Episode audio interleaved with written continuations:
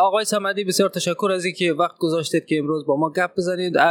بیاین اول از معرفی کامل شما شروع کنیم. اگر خود بیشتر برای شنونده های ما معرفی کنید اسم است محمد علی تخلص سمدی ما هستم از افغانستان. در اخیرای 2021 زمان که طالبا کشور اشغال کرد ما مجبور شدیم کشور را ترک کنیم به مقصد استرالیا. ما توسط اسپیشال فورس استرالیا کمک شدیم و رسیدیم به استرالیا در 2021 چنان که قبلا به ما گفتین کل فامیلتان همراهتان آمده به اینجا. چند نفر هستید و راضی هستید از اینکه در استرالیا هستید؟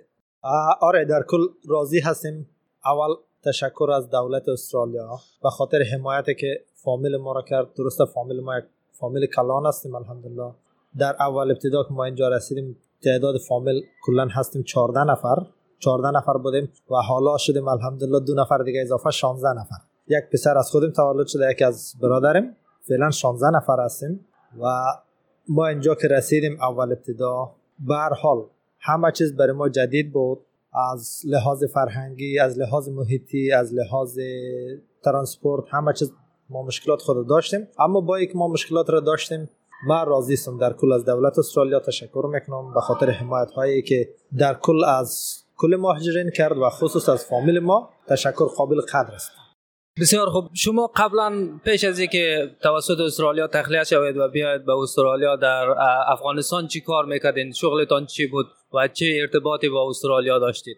از ما یک تا برادرم ترجمان بود همراه قوای خارجی. و یک تا همشرم درس می‌خواند در دانشگاه آمریکایی. بعدش کار کرد همراه سفارت استرالیا در افغانستان و همچنان وظایف دیگری داشت. من خودم بر یک مدت صاحب منصب نظامی بودم افغانستان و در اواخر چون وضعیت نظام خوب نبود من نظام ترک کردم و با خودم تجارت خود داشتم. در قسمت تجارت کارایم خوب بود بسیار عالی پیش می‌رفت.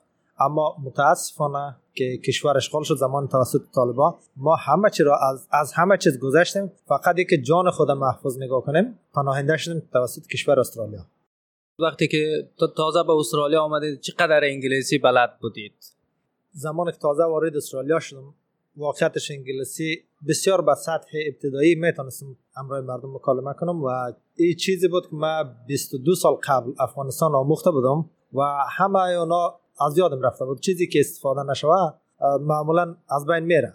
اما بعد از اینکه همه روز من اینجا استفاده کردم انگلیسی و در اول ابتدا پدر مریض بود مشکلاتی که ما داشتیم در شفاخانه. خب من مجبور شدم اونجا در شفاخانه کسی نبود که او زمانم زمان قرنطین بود. مجبور شدم انگلیسی خود بیشتر تقویه کنم و روزمره ما از مجبوریت اونجا که بیشتر در مشکلات روزمره برخوردیم.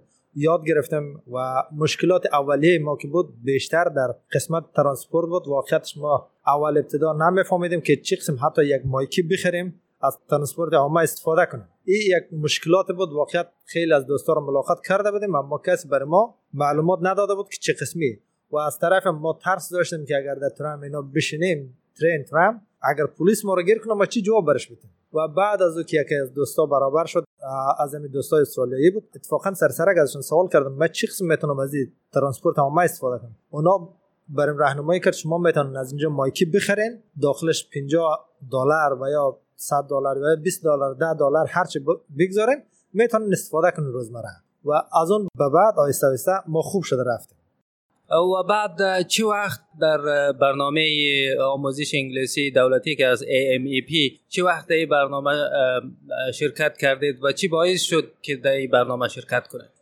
ما یک تعداد دوستای بودن از امی استرالیا آمدن او زمان ما در هتل بودیم. آمدن اونا ملاقات کردن بعد ملاقات باز اونا همراه ما کمک کردن خانه پیدا کنیم. زمانی که ما همراه agent برای inspection یا ملاقات خانه می‌رفتیم خانه را می‌دیدیم. بعدش که دوباره برگشتیم اونا گفت که شما مشکلات زبان دارین دیگه دارین.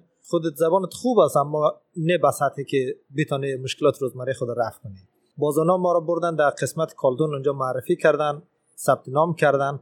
بعدش ما که در خانه رفتیم از اونجا رفتیم طرف Melbourne Polytechnic. ما درس زبان انگلیسی را اول ابتدا همراه Melbourne Polytechnic شروع کردیم به طور آنلاین. دو semester ما همراه از آنلاین درس خواندم و یک دوست دیگه ما بود تشویق کرد که نه شما باید حضوری برین. حضوری می‌تونین بیشتر بیاموزین. او دوست ما از ایران بود هم کلاسی ما. و زمانی که ما در وسط 2022 بود رفتم Melbourne Polytechnic واقعیت ما چیزای بیشتر یاد گرفتم و این زبان ما تقویه شده رفت. تا به امروز درست ما پیشرفت داشتم اما هنوز ما مشکلات بسیار دارم شما بدون شک که از زبان آموزای موفق بودین و در برنامه 75 مین سال روزی برنامه ام پی هم امروز شما یکی از زبان آموزای بودین یا یکی از شاگردای بودین که اینجا برجسته شده بودین. خب حال فعلا در کدام لول یا در کدام سطح رسیدین و چند مدت مانده که انگلیسی را بخیر تمام کنین؟